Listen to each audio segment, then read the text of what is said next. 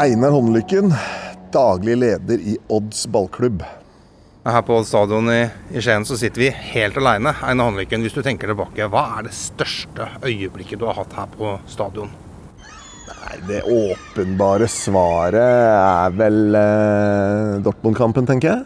Eh, de hadde vel eh, vært i semifinale Champions League året før. Var ranka som nummer sju i verden eller noe sånt nå. Eh, og så skårte vi 1-0 etter 18 sekunder. eh, og leda 3-0 etter et par og 20 minutter. Så klart, da var det Det husker jeg nesten ingenting av. Det var bare så sinnssykt. Og det er jo liksom Det er jo en av de, bare for å dra parallellen til å jobbe med klima og politikk, da.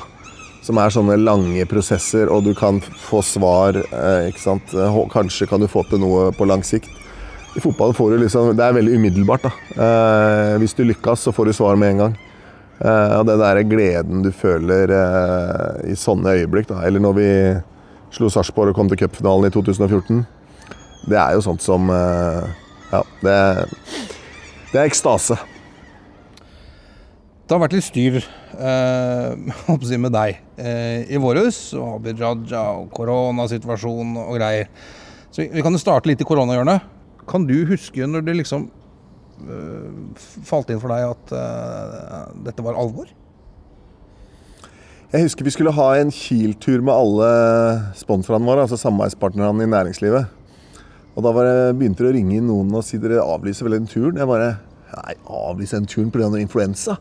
Det gjør vi jo ikke. Og så gikk det to dager, tror jeg, og så avlyste vi.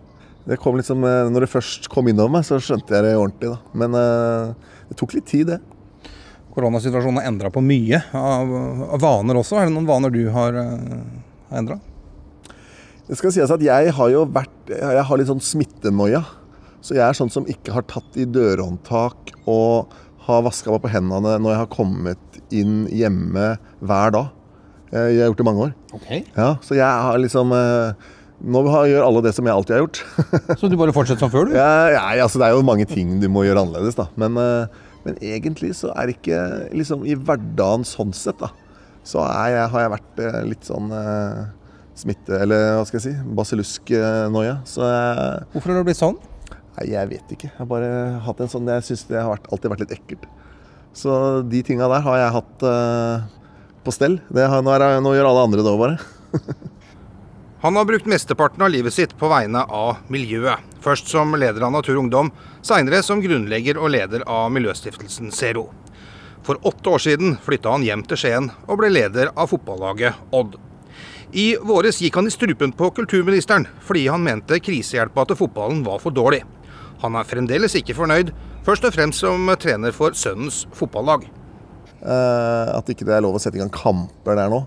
Eh, når det er fritt fram på skolene f.eks. Det er jo ikke mulig å skjønne det. Og i hvert fall her i Skien eller Telemark hvor det, det er jo ikke smitte. Altså Du klarer ikke å bli smitta om du prøver engang. Uh, og så skal vi nekte ungene å spille fotballkamper.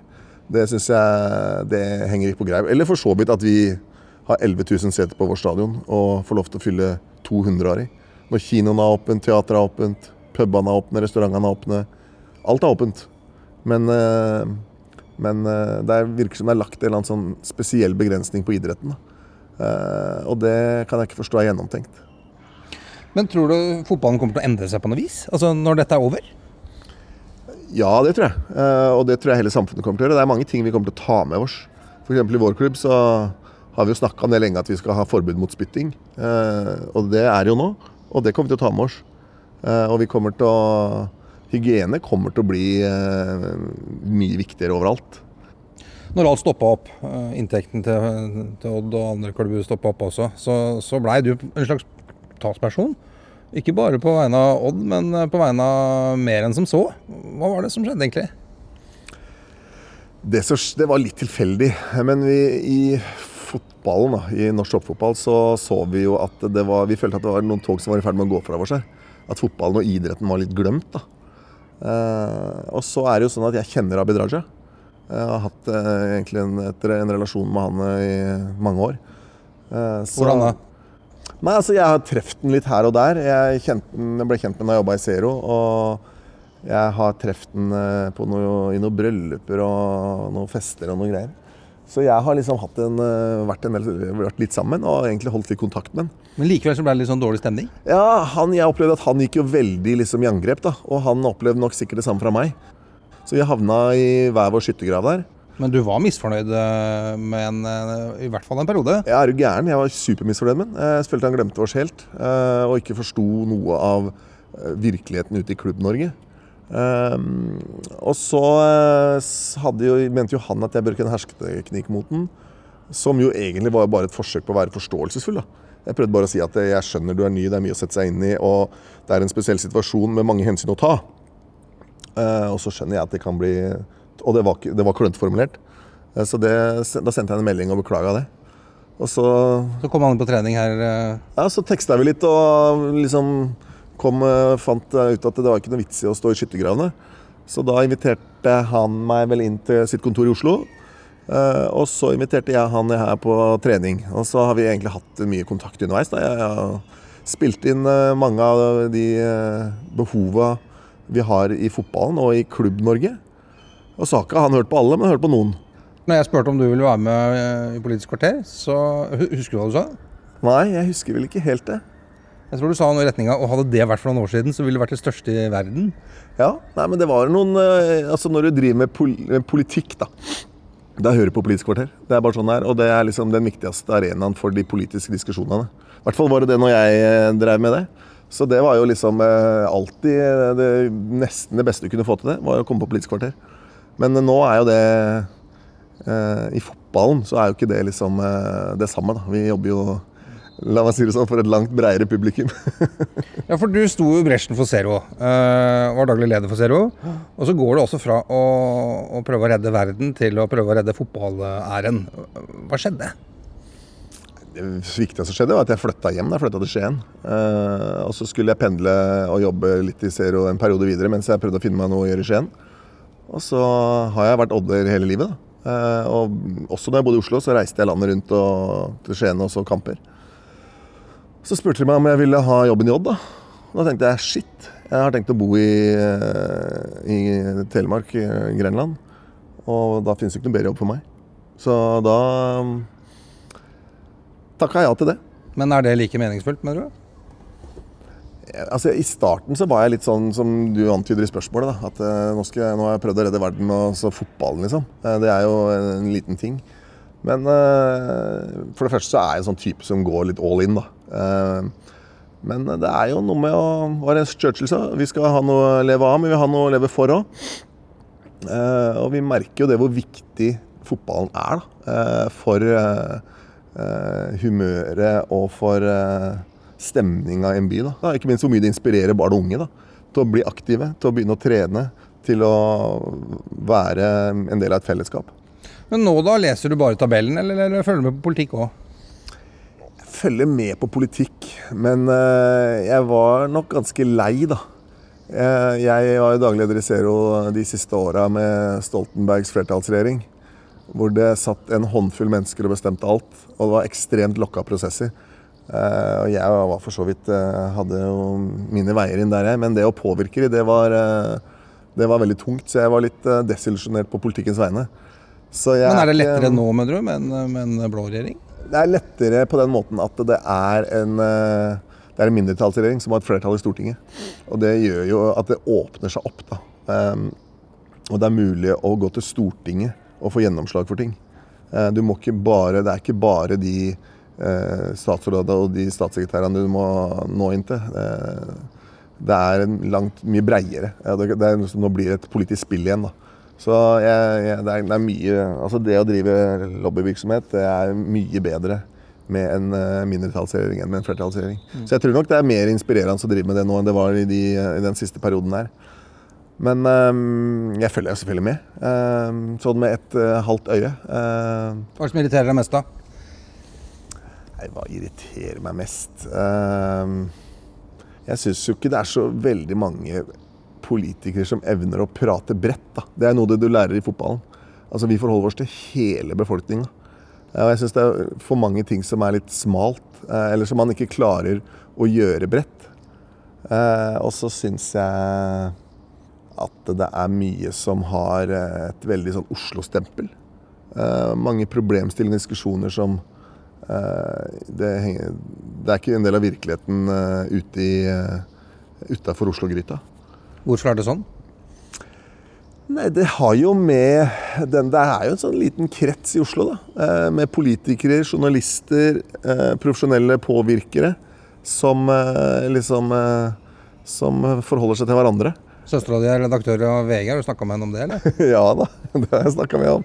Og jeg snakker med mange om det. Um, og det er Det syns jeg Det irriterer meg, men det irriterer meg like mye med media. Uh, jeg syns jo det er så mange saker. Jeg det liksom har, uh, hvis det er veiarbeid i en tunnel uh, i Oslo, så er det liksom på fronten av VG og Dagbladet og alle. da. Og Dagsrevyen irriterer jeg meg over. Det er jo veldig mye som er egentlig lokalnytt for Oslo, da, som får plass i riksmediene fordi redaksjonene har sete i Oslo.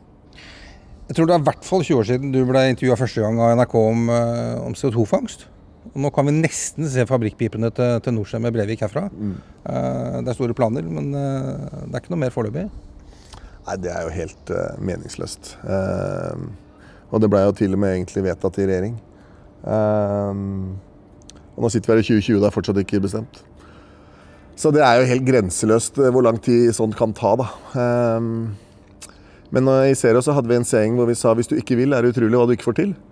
Men det er jo ikke bare dyrt. Det er jo utrolig dyrt. Milliarder på milliarder av kroner som skattebetalerne skal, altså skal være med å betale. Ja, det er, Men det er jo da ikke så dyrt. da, vet du. Og Hvis du setter det inn i det store bildet, Eh, så dreier det seg om hvor viktig syns du denne klimasaken er. da. Det er jo å Se på smitte og korona nå. da. Hvor mange milliarder har det kosta oss? Det er, jo, det er milliarder. Uh, hvorfor gjør vi det? Fordi det er viktig. Det er verdt det. Uh, og det er klart, I et land som Norge så har vi råd til det. Å ta en lederposisjon uh, globalt. Og ikke minst da, så vil jo dette gjøre vår industri mer konkurransedyktig. Så det er jo ikke liksom et kostnadssluk som går ut av vinduet for ingenting. Det vil gjøre, Hvis vi får opp det her, så vil det gjøre Norge til et attraktivt sted å legge CO2-intensiv industri. da. Men Se for deg at du sitter i stolen til Tina Bru, da, olje- og energiminister, og så får du altså en prislapp på pulten på 17 milliarder.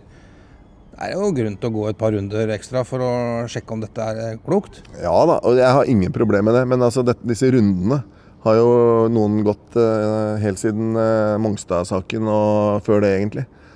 Eh, så det er jo ikke mulig å skjønne at det skal ta så lang tid, syns jeg, da. for meg er det et eksempel på at det er vilja det står på. Du sa du var lei av politikk, og du var ikke nødvendigvis lei av serum, men i hvert fall det livet. Kommer det til å gå over, at du kan fatte interessen igjen på et senere tidspunkt? Ja, det kan det selvfølgelig. var jeg, jeg var jo også lei Oslo. Ehm, så det Men det kan eh, Nå har jeg bodd her nede i eh, ja, åtte år. Så eh, nei, det Jeg er jo politisk interessert. Så det, det er klart at det kan komme tilbake, det.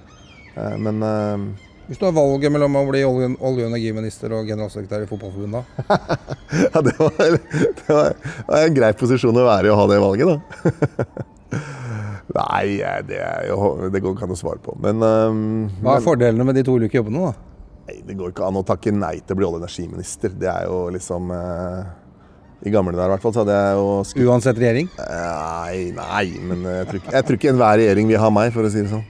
Så nei, jeg har ikke noen planer om noen av de tinga der. Jeg er i eh, Odd og trives veldig godt med det.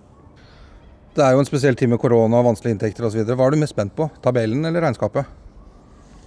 Nei, jeg vet jo hvor det regnskapet havner, da. Eller jeg vet i hvert fall eh, at det blir eh, Hvis ikke vi eh, tar medalje, så ender det med minus. Eller hvis ikke vi gjør et stort spillersalg. Men så ender det med minus, da. For vi har jo tapt 15 millioner kroner inntekter.